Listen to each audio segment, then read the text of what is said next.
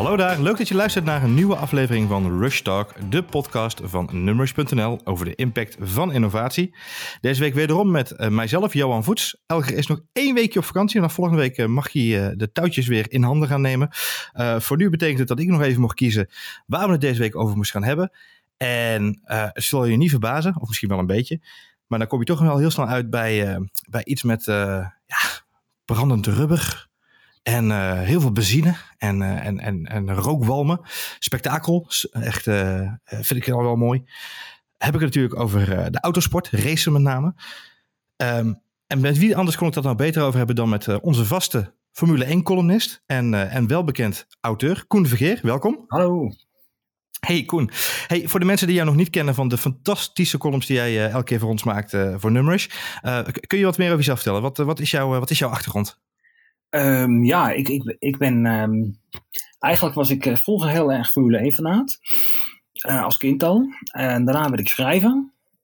En toen zei mijn uitgever van, jij moet een keer een boek schrijven over de Formule 1. En sindsdien ben ik een soort Formule 1 schrijver geworden. En heb ik al diverse, diverse boeken over de autosport op mijn naam staan. En, dat is nou echt daadwerkelijk van je passie je werk maken, zeg maar. Ja, dat kun je wel stellen, ja. ja, ja. Nou ja, ik weet wel, de dag dat, dat mijn uitgever, dat staat ook in mijn nieuwe boek, Max Mania, en dat de uitgever tegen mij zei, weet je wat jij eens moet doen? Jij moet een heel boek over die Formule 1 gaan schrijven. Met sterretjes voor mijn ogen liep ik de uitgeverij uit. En ik dacht, een heel boek hierover. En dat was ook een feest om te schrijven. Dat was uh, de Formule 1 fanaat. Dat is al bijna 20 jaar oud. Ja. Uh, een klassieker in de Nederlandse autosport. Maar in ieder geval... Ja, zeker. Ja, zo is het genoemd. Hè? Ik, eh, ik kan er zelf ook niks aan doen. Maar dat, is een, uh, ja, dat, dat, dat, was een feest om te schrijven. Dat was echt. En dan liep ik s ochtends handen wrijven naar mijn bureau om weer verder te gaan met Gilles Villeneuve en Nicky Lauda en Jack Stewart. En ja, dat, dat, dat is wel een. Uh, en, en nu heb ik dus weer een nieuw boek uh, over die Formule 1 geschreven. Ja, ja ik ben mezelf vooral schrijver. En daarnaast ben ik ook ontzettend raceliefhebber. En als ik over race kan schrijven, zit ik helemaal goed.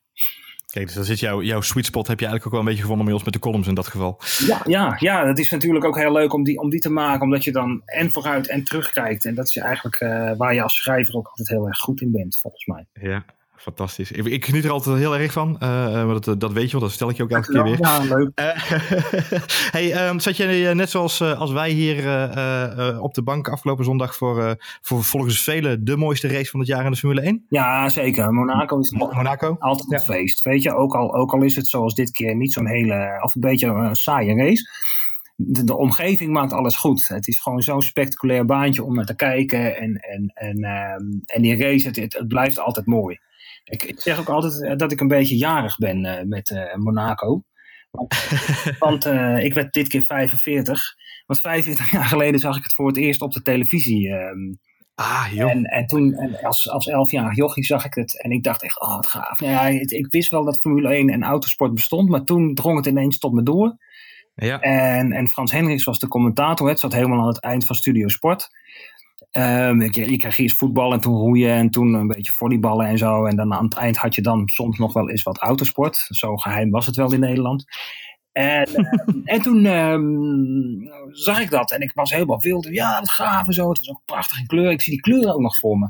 En, en, um, en toen zei Frans Henriks dat ze weer op Zandvoort kwamen, dat je erheen kon gaan. En mijn oudste zus zei toen tegen mij, nou dan gaan we dat doen.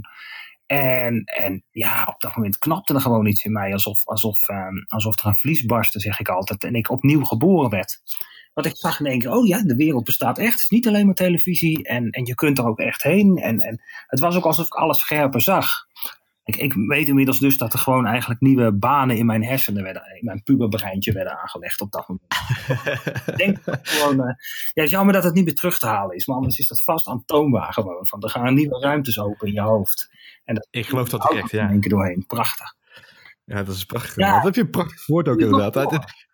Het, het, is, het is een mooi bruggetje naar waar, uh, naar waar we vandaan komen. Monaco is natuurlijk de straatrace onder de straatraces. Ja. Uh, waar ik het vandaag met je over wilde hebben, heeft eigenlijk helemaal niks te maken met al die, uh, al die charmes van Monaco. Waar, eh, zoals ik al zei, de rookwolken en de vonken vanaf vliegen en het brandende rubber mm -hmm. ver te ruiken is als mensen in de ankers moeten. Maar ik wil het eigenlijk met je hebben over een andere racesport waarin straatraces centraal staan. En dat is de Formule E. Ja. Formule de, konings, de koningsklasse van het elektrisch racen. Absoluut, ja. Ja, ja, zo, zo, ja, zo is het. Het is eigenlijk de eerste klasse in de autosport die elektrisch gaat. En uh, dat, dat, dat, is een, uh, ja, dat is echt een, een, een klasse met, met heel veel stratencircuits. Eigenlijk is het ook de bedoeling. Het is eigenlijk opgezet als een soort pop-up competitie. Die zomaar ergens in een stad verschijnen. Ja, ze zijn natuurlijk al aangekondigd. maar dus in een stad verschijnen. En die stad eigenlijk één of twee dagen innemen. Helemaal afzetten. En daar dan elektrische races rijden. En dat kan in zo'n stad omdat het niet stinkt en geen lawaai maakt. Dus dan, dan is dat wel te doen. En, en qua, qua uh, randvoorwaarden uh, hebben ze ook wat minder te maken met de breedte van de auto's en dat dingetjes. Het is wat makkelijker om op te bouwen, heb ik me laten vertellen inderdaad. Ja, het is, uh, dat klopt. Het, het, het, is voor veel mensen is het nieuw. Dus wij, als ik nu met mensen praat over de Formule E, dan, dan heeft dat ook te maken met wat we natuurlijk zien in, in, op ons straatbeeld. Hè. We zien de elektrische auto in, niet alleen in Nederland, maar over de hele wereld aan populariteit winnen. Mede ja. dankzij merken als Nissan en, en Tesla en, en de hybride vormen die we natuurlijk in de consumentenvervoer langs zien komen. Maar deze Formule E is natuurlijk niet echt nieuw, hè, onderaan de streep. Hoe bedoel je niet nieuw?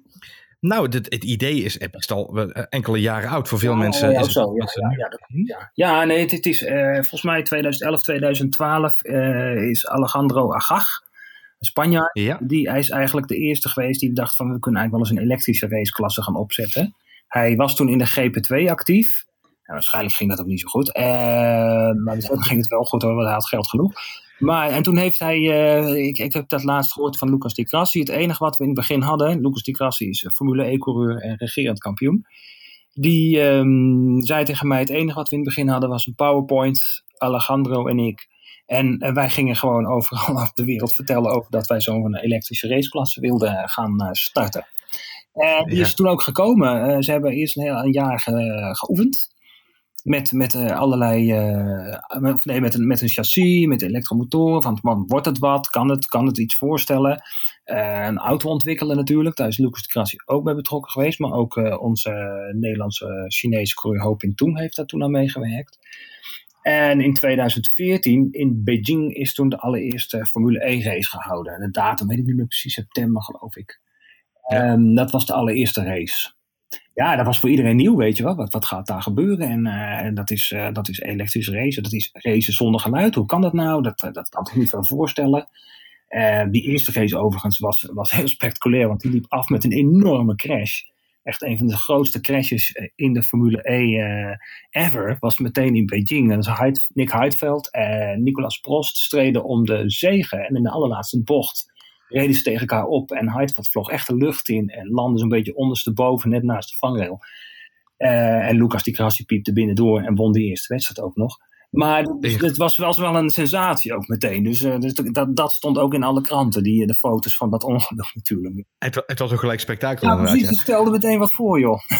weet, je, weet, je, weet je wat ik nou zo grappig vond? Ik weet niet of jij dat, dat ook had meegekregen, maar uh, waarschijnlijk wel. Want je hebt er meer kijken op de link. Maar ik, ik las ergens dat uh, Jean Todt, natuurlijk de, op dit moment bekend vanuit de Formule 1, maar mm -hmm. ook op dit moment bij de FIA natuurlijk betrokken, eigenlijk vanuit het, de klassieke motorsport, dat hij ook een van de aanjagers is geweest van deze sport. Ja. Dat hij ja. Agag en die Grassi op het, op het spoor heeft gezet, om maar zeggen. Ja, dat, dat, dat klopt. Het, het, is, uh, het gaat heel erg van de FIA uit. Weet je, de, de, de autosport wil eigenlijk ook, uh, ja, zeg maar, uh, maatschappelijk verantwoord ondernemend worden.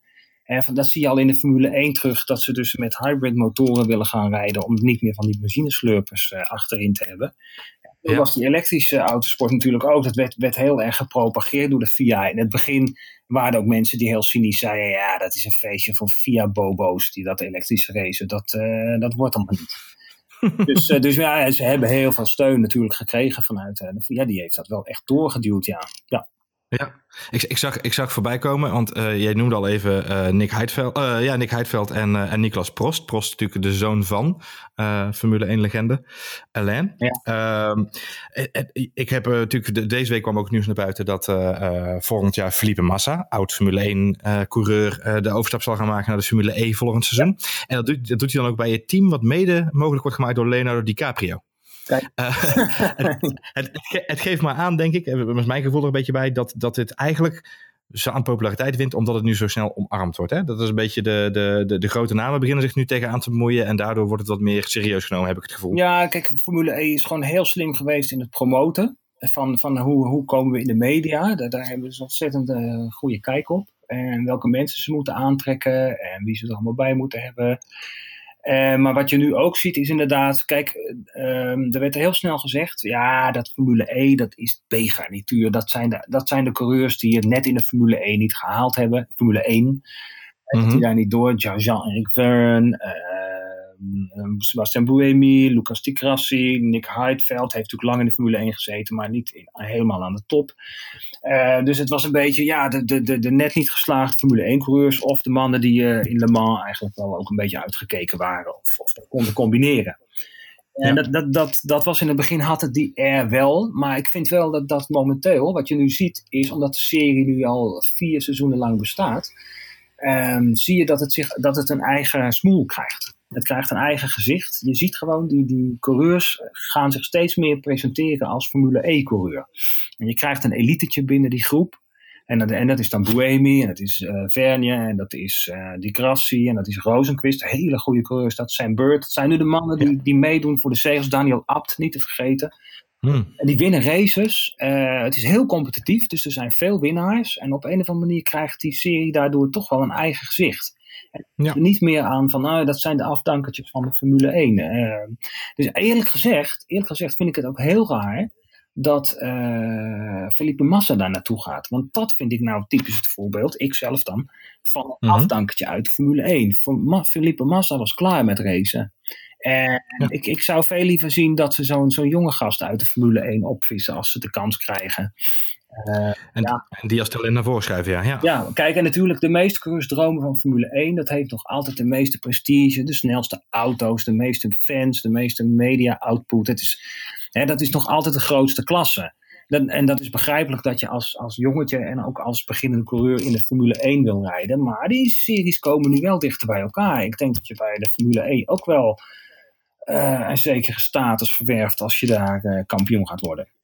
Ja, als, als ik even de, de. Want ik vind het leuk om daar nog even over door te pakken, zo. Maar even heel snel voor onze luisteraars.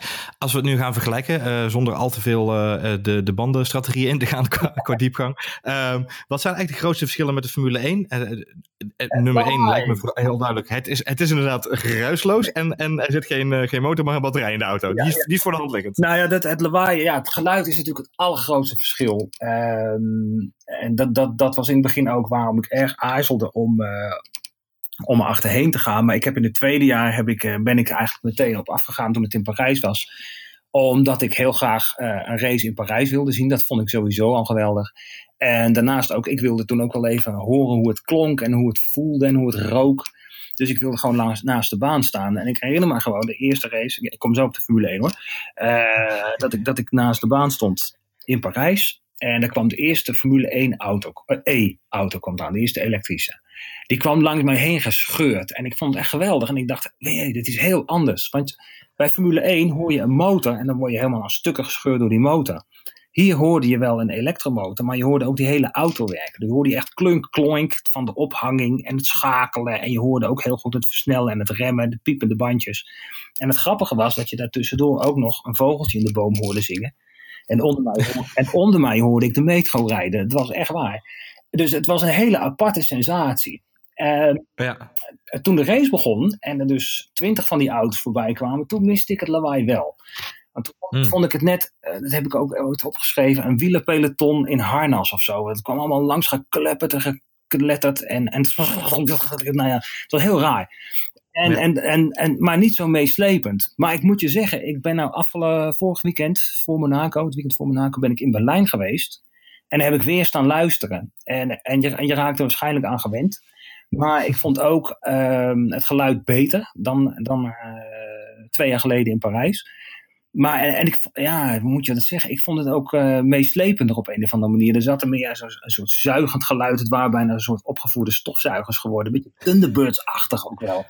Ja. En, uh, en dat vond ik wel mooi. Ik, ik, uh, ik hou er wel van. En dan zag je ze weer inderdaad. Ik stond op een heel strategisch punt bij een soort chicane waar ze behoorlijk hard doorheen gingen. En het waren van die betonplaten op dat vliegveld. Dus ze stuiten er ook en dat hoorde je dan allemaal. En je hoorde die banden piepen en zo. echt, ik vind het wel, het is wel een aparte klas hoor. Het is wel, het geluid is minder dan de Formule 1. Hoewel de Formule 1 momenteel ook veel te zacht is. Maar het, het, het, heeft wel zijn eigen charme. En dat, dat is dus het grote verschil. Is echt wel het geluid.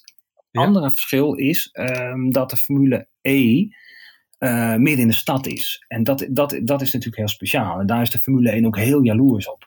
Want, want deze races, die organiseren ze dus gewoon echt midden in de stad. En dus je komt gewoon met de metro. Dus ze leggen ook geen grote parkeerplaatsen aan. Mensen komen maar met het OV. En in en Berlijn kon dat dus. Dan kon je met de U-baan heen en zo. En dan, en dan Ehm, ja, dan heb je dus een, een uh, wat, wat Vernie ook zei, van wij, wij halen de fans niet. Hè? De fans hoeven niet naar ons toe te komen, wij komen naar de fans toe. Dus het is heel erg, ehm, die, die Formule 1 presenteert zich aan het publiek gewoon uh, bij, uh, op de stoep. Veel toegankelijker zou je zeggen. Ja, ja, het is heel toegankelijk daardoor. En je ziet ook wel aan het publiek daardoor wel langs de baan staan. Gewoon mensen uit de stad en met kinderen erbij, want het is ook allemaal heel goedkoop om erin te komen. Dus, uh, en er is een hele farmacie-industrie omheen. Ja, dat is natuurlijk bij de Formule 1 intussen ook zo. Maar, maar, maar dus die, die, die, en, en je ziet gewoon een hele leuke ehm, entourage. Kijk, heel veel van die circuits. Um, nou ja, niet, ja, behoorlijk veel. En dat is dan weer het verschil. Hè? Monaco heeft dat niet.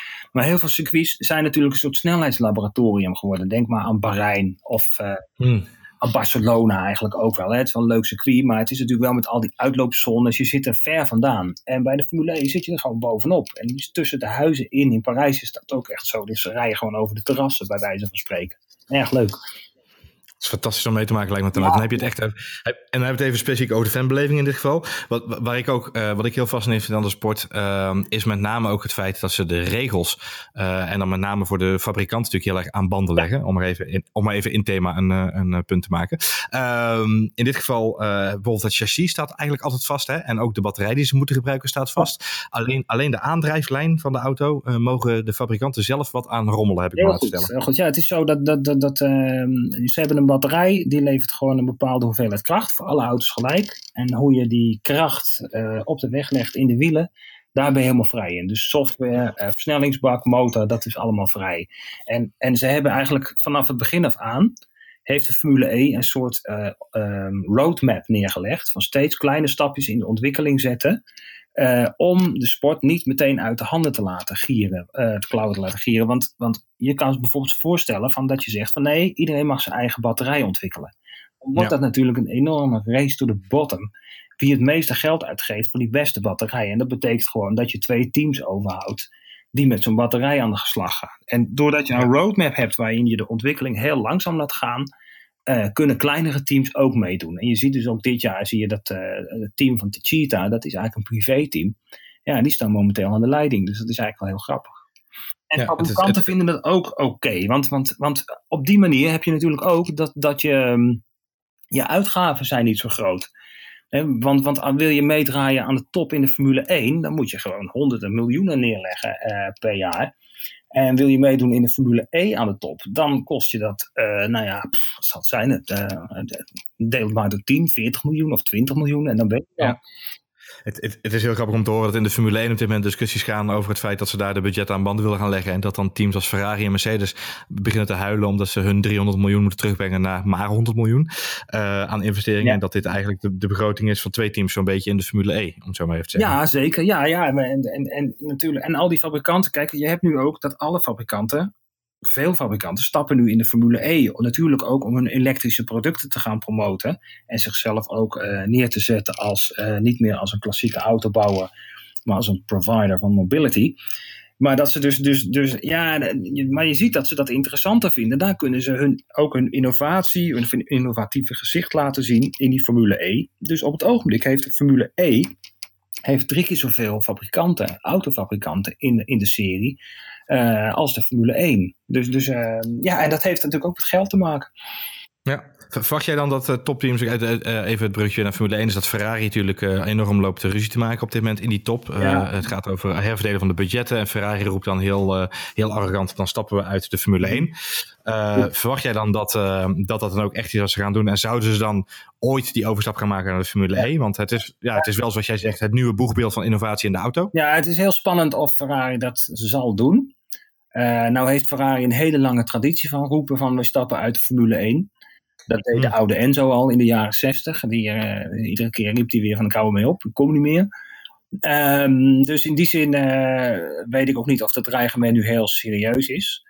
Uh, ja, weet je, Formule 1 is eigenlijk altijd, Formule 1 is eigenlijk altijd een beetje een crisisgebeuren geweest, waarbij de grote jongens met elkaar bakkeleien en, en niks willen inleveren. Dus, dus, dus dat gaat eigenlijk altijd maar door. Dus ik denk zo'n split-up of, of, of Ferrari die in één keer overspringt naar de Formule E, dat zul je niet zo gauw zien. Maar het is wel een feit dat, dat, dat, dat echte race, race uh, fabrikanten, zeg maar, zoals BMW en Porsche, ja, die stappen allemaal in in de Formule E. En Mercedes gaat dat ook doen. Uh, volgend jaar gaan ze al oefenen met, weet je, HWA, geloof ik. Die, die gaan het team van Venturi runnen. Hm. Die, die, gaan eigenlijk al zeg maar een beetje proeven van het, van het geheel. En een jaar later komt Mercedes met de fabrieksauto. Ah, dat, ver, dat verklaart ook omdat Massa dan dus inderdaad die stap gaat maken naar Venturi. Ja, ja, Die, die zit eigenlijk al op het, uh, op het vinktouw om dan uh, te rijden, ja. Ja, en zo, zo is het ook met Audi gegaan. Hè? Met Audi, uh, je, had, je had het team Abt Scheffler. Uh, die deden ook vanaf het begin mee. Maar ik had al meteen gezien dat op de zijkant van die auto die vier ringetjes stonden. En dan weet je gewoon, uh, Audi houdt hier in ieder geval een oogje in het zeil. En inmiddels is het gewoon Audi Sport. Het is gewoon het fabrieksteam geworden. Ja. Dus de grote spelers stappen hier wel in. En, en jij hebt, hebt natuurlijk wel mensen van Audi ook gesproken, want jij was in Berlijn de laatste race daar, al daar. Um, heb, geeft zo'n team dan ook aan van joh, wij doen dit omdat we dit zien als de top, top, uh, de top van innovatie in de auto-industrie en, en alles wat we hier kunnen winnen aan kennis kunnen we gebruiken ook in de consumentenvervoertuigen? Of is het gewoon echt alleen maar showpony? Nou ja, weet je, het, is, het, het, wordt wel gezegd van ja, dit, dit, is de ontwikkeling en wij gaan allerlei dingen gebruiken. Maar in hoeverre dat echt gaat gebeuren, weet ik, weet ik niet. Zo, zo diep kan ik niet in de, in de software en de, en de, de techniek kijken. Uh, maar het is natuurlijk wel zo dat, dat, dat Audi zich op die manier en ook die anderen zich presenteren als. Uh, nou, dit was, was letterlijk een tekst van Audi: van we zijn geen klassieke autobouwer meer, wij worden een provider van mobility, weet je. Dus, dus, dus een hele andere kant op. Ja. Ze willen zich heel anders presenteren. En hetzelfde met Jaguar, uh, die doen dat ook. Dus, dus, en, en, en Jaguar is nu ook de eerste die met een productieauto uh, gaat komen. Die gaat racen. Dus volgend jaar heb je een, in het Formule E-programma heb je ook een race met, uh, met een soort elektrische tourauto's. En dat zijn nu nog allemaal Jaguars. Maar in de toekomst kun je je natuurlijk voorstellen dat ook andere merken met zulke auto's komen. Want, want, dat is wel een leuk om nog erbij te melden inderdaad. Want rondom, je zei het al aan het begin van de, van de uitzending, had je het al heel even over de show-elementen rondom zo'n Formule E-wedstrijd. Uh, een daarvan is ook het, uh, het Robocar-circus, uh, noem ik het maar eventjes met alle respect. daarbij wordt er dus met vanuit de, dezelfde gedachtegang wordt er geraced met auto's zonder überhaupt een bestuurder. Ja, ja die heb ik ook in Berlijn weer gezien. heel, heel spectaculair. Gewoon een auto die autonoom gewoon eventjes snel rondje draait over zo'n circuit. Heel erg leuk. Het waren nu studententeams die die auto's uh, programmeerden. Uh, ik was eigenlijk van plan om voor Numbers daar binnenkort een uh, mooi stukje over te maken. Wat op de plek komt te staan. Uh, want ik heb ook met Lucas Di Grassi gesproken. Die is als oud-coureur CEO van dit hele Robocar gebeuren. Dus dat was natuurlijk heel gek, want hij is zelf coureur. Maar hij is dan CEO van een serie die in de toekomst zonder coureurs wil gaan racen. Ja. Die, die stap is nog ver weg. Hij zegt voorlopig is het nog human en machine. Want de machine kan ontzettend veel leren van de human. Dus, maar is, dit, dat, is, dat is ook een onderdeel van zo'n dag. En dan, dan komen die, uh, dit keer waren, waren het niet de robocars, zeg maar, maar het waren de devbots zoals ze heten. Mm. En de DevBot, dat is, een, uh, dat is een soort prototype auto, een soort Le Mans auto. Met vier elektromotoren waar ook iemand in kan zitten.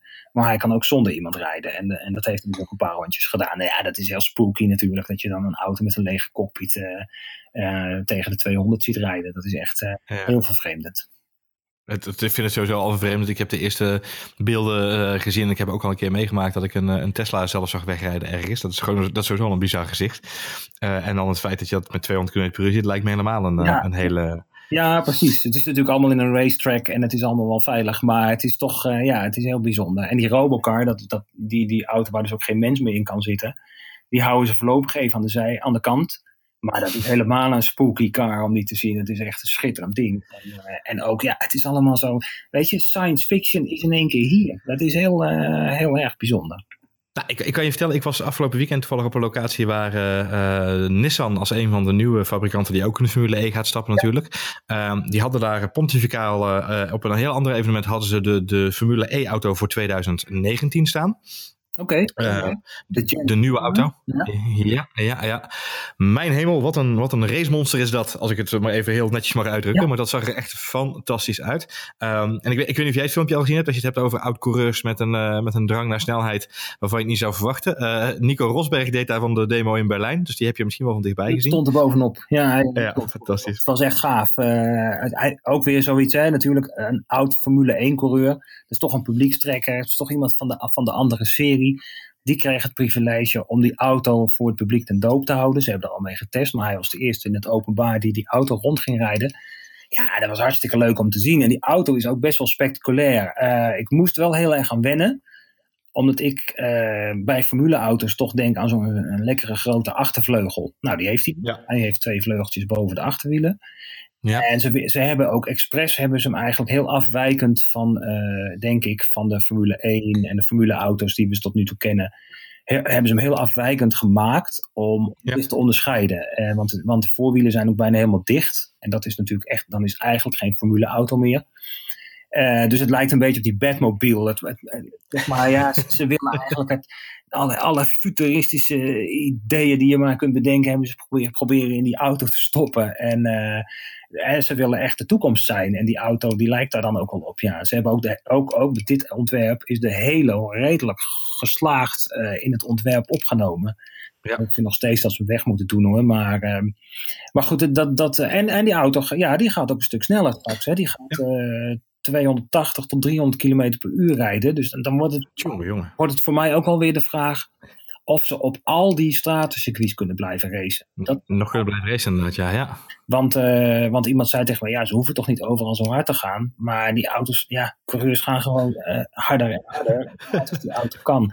Dus ik denk zo in Hongkong en in Parijs wordt het wel erg klein voor auto's die 300 per uur kunnen. En dan kan je, ja, dan moet je maar niet zo hard gas geven. Maar ja, dan kom je in hetzelfde, ding als Jackie Stewart ooit tegen mij zei. Van, we, we hadden Formule 1 auto's en in één keer waren die gingen sneller.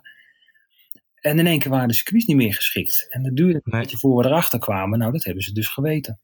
Ja, ik, denk, ik, denk, ik, ik uh, moet het nog zien of ze op alle circuits kunnen blijven racen. En of er niet. Ja, voor, de, voor de beeld van Parijs is geloof ik 1,9 kilometer lang. Maar ja, dat is echt een heel, heel klein, klein compact, maatje, inderdaad. Maar het is op sommige punten ook bijzonder smal. Ja. Kijk, ze, doen het, ze maken die circuits ook klein, omdat de, de, met, met, die, uh, met die eerste generatie batterijen konden ze gewoon nog niet zo ver rijden. Dus je, je had niet zoveel rondjes. En als je dan het rondje wat kleiner maakt, heb je weer wat meer rondjes. En, um, en de circuits zijn klein omdat de auto's uh, nog niet harder konden dan 225 km per uur. Dus als je de circuits klein maakt, dan heb je wel de ervaring van snelheid. En dat is ook zo. Ja. Dat kan ik je wel vertellen. Want ik heb in Parijs in zo'n chicane gestaan. Waar ze dan echt bijna vol doorheen gaan. Want dat kon dan net zo tjik En ja, dan hou je je hart vast iedere keer als er dan zo'n auto. En dan hoeft hij dus niet per se 280 te rijden. Want 225 vond ik daar al hard genoeg. Ja, ja inderdaad ja. Hey, en de, de batterijen, wat ik ook wel even voor volgend jaar is dat de batterijen eindelijk groot genoeg zijn om, ja. uh, om een hele race vol te maken. Want nu ziet het natuurlijk de pitstops zien er nog een beetje gek uit. Dat, uh, dat coureurs moeten overspringen van de ene auto in de andere. Dat was heel erg wennen in het begin. En nu, en nu uh, zegt Agag ook van ja, de laatste keer dat we doen zullen we toch wel met een beetje nostalgie naar die rijderswissel kijken. Nou, ja, misschien wel ja. Daar ging je aan wennen. En had ook wel weer zo zijn aparte charme. Maar ik denk dat het beter is van niet. Maar weet je, in het begin, in het begin werd er ook heel lacherig altijd gedaan over de Formule E. Ja, maakt geen lawaai en halverwege moeten ze overstappen. En nou ja, weet je, allerlei argumenten um, die intussen eigenlijk helemaal niet meer geldig zijn. Uh, of ja, niet geldig zijn, maar niet, niet ja, moet je dat zeggen? Uh, geen steek meer houden. Want die, nee. klasse heeft zichzelf gewoon gevestigd na vier jaar. Dus ja, zo wat geen lawaai. Uh, er zijn heel veel mensen die vinden dat juist ontzettend prettig. En uh, kijk, ik ben, ik ben zo'n oude, oude Formule 1 purist die wel heel erg veel van lawaai houdt. Dus, dus ik, uh, van mij mag het altijd lawaai maken. Maar ik ben, ik ben intussen met die Formule 1 en, en, en het mindere geluid, daar heb ik ook heel erg vrede mee. En ik denk dat er, misschien komt er wel een nieuwe generatie autosportliefhebbers die dat veel beter vindt. En die gaat dan uh, vervolgens uh, op de bank voor een, uh, een, de Max Verstappen van de Formule 1 in de toekomst. Ga, ja, denk wie, weet, wie weet wat voor coureurs daar nog opduiken. Ja, ja, ja. Ja, weet je, het, je krijgt natuurlijk een soort overgangsfase. dat, dat ze naast elkaar bestaan en dat ze best wel elkaar naar de kroon zullen steken. Maar voorlopig blijft de Formule 1 gewoon de grootste klasse. Je weet je, weet je wat het is? Ze gaan eigenlijk allebei ergens anders over. Kijk, Formule 1 gaat over de auto met de grote motor en de fossiele brandstof. Die gaat over de 20ste eeuw. Het gaat over, over de uitvinding van de auto zelfs en de ontwikkeling van de auto. En het gaat ook over heldendaden van, van, van coureurs als Nuvolari en Campari, die in de jaren twintig de pioniers van de autosport waren. Daar zit die Formule 1 nog steeds aan vast. En, en daar gaat Formule 1 over. En, en die heeft ook nog steeds, wat Jack Stewart mij ook zei, van, er was een periode waarin ook veel doden vielen, maar dat gaf die, die, die, die sport een soort extra aura. En dat heeft hij nog steeds. En dat gaat Formule 1, eh, nee E, de elektrische formule gaat dat natuurlijk nooit inhalen. Maar de Formule E gaat ergens anders over. Die gaat over de 21ste eeuw. En die gaat over de, de toekomst van, van, van ons rijden, van onze mobiliteit. En dat is, uh, dat is echt heel wat anders. Ik vind het een hele mooie, een hele mooie uh, om, om de, de, Formule E bij deze even bij af te sluiten. Vind, ja. Helemaal met je eens uh, in dat opzicht. Een hele, hele goed, heel goed verwoord. Echt 100% eens. Hey, het, het, het, brugje wat ik wilde maken was Max Verstappen. Max, uh, we hebben hem laten vallen. Max Mania is je nieuwe boek. Aan de hand van onze Nederlandse raceheld wil je onze lezers weer meenemen aan de hand door de Formule 1 wereld. maar het is geen boek over Max Verstappen alleen, toch? Nee, zeker niet. Nee, nee, nee. nee. Het is geen biografie of zo. Of, of een, of een, een van Max of whatever. Het is, weet je wat ik heb geprobeerd eigenlijk in dit boek? Is, is dat ik, ik heb geprobeerd weer te geven uh, hoe een, een echte oude Formule 1 fan zoals ik de afgelopen drie jaar uh, heb beleefd. De opkomst ja. van Max Verstappen in de Formule 1. Want, want er veranderde echt veel uh, in de Formule 1 zelf. Hè. Max verlegde allerlei grenzen en regels, wat natuurlijk heel spannend was. En, en, maar ook, ook in Nederland heeft hij de Formule 1 eigenlijk veranderd. Want, want toen ik de Formule 1 ontdekte, toen ik een jaar of elf was, hè, toen in Monaco en zo, was het eigenlijk een soort geheim genootschap. En de Formule 1 bestond in Nederland eigenlijk helemaal niet. Uh, tijdschriften over Formule 1, nou, waren er nauwelijks, of had je niet. Het kwam nauwelijks op de televisie. Dus dat, dat, dat was eigenlijk, ja, het bestond helemaal niet. En tegenwoordig heb je Max, Max Verstappen zo'n beetje in ieder acht uur journaal heb je op zondag. Dan Max. Nou, als vroeger vroeger opa verteld, maar het is zo. Als vroeger eh, de Formule 1 in het 8 uur journaal kwam, dan schrok ik, want dan wist ik gewoon, dan is er iemand dood. Hmm. En dan zakte je hart gewoon een meter eh, omlaag en dan wist je, oh nee, niet nog iemand. En, en dat was natuurlijk ook verschrikkelijk uit die tijd. En, en nu is het overal Formule 1. En Nederland is echt een beetje, heeft Formule 1 helemaal omhelst. En nou, is ook heel erg leuk natuurlijk. Ja. Ik vind het wel, wel mooi om te zien. Maar het is wel heel anders qua beleving. Nou, ik, ik, ben, uh, ik heb het geluk dat we al een exemplaar uh, hebben mogen aannemen van je bij de presentatie afgelopen week. het boek is volgens mij nu te kopen bij zo'n beetje alle boekwinkels in Nederland. En online volgens vast en zeker ook te winnen, toch? Ja, zeker. Moet je even bij althans contact van mijn uitgeverij, de site of boekenwereld.nl. Daar moet je kijken, dan kun je hem zo online bestellen, inderdaad. Ik zou zeggen, mensen, gaat dat boek kopen. hey, voor zover, Koen, hartstikke bedankt voor, uh, voor nu. En uh, ik, ik zie nu alweer uit naar je volgende column uh, over de aanstaande Grand Prix. Canada, ja, heerlijk. Dat wordt weer genieten. We, we, we, gaan ons weer mentaal voorbereiden op hopelijk een iets beter weekend voor onze Nederlandse racefans dan afgelopen weekend. ja, moet wel, hè? Moet wel. Ja, ach ja. Weet je, hij komt er echt wel bovenop. Op een gegeven moment gaat hij weer winnen en dan is alles vergeten echt. Zo is het inderdaad. Ik ga ervan uit. Ik ga ervan uit. Ik heb, ik heb veel, ge, veel uh, in zijn, in zijn ja. wederopstandingsvermogen. Hij heeft Goed. ook krediet. Zo is het. En dat is ook wel weer waar inderdaad. Ja, gelukkig wel. Gelukkig wel.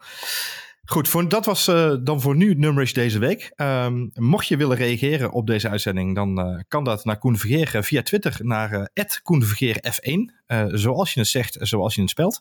Eh, of naar mijzelf, at Johan Voets eh, op Twitter.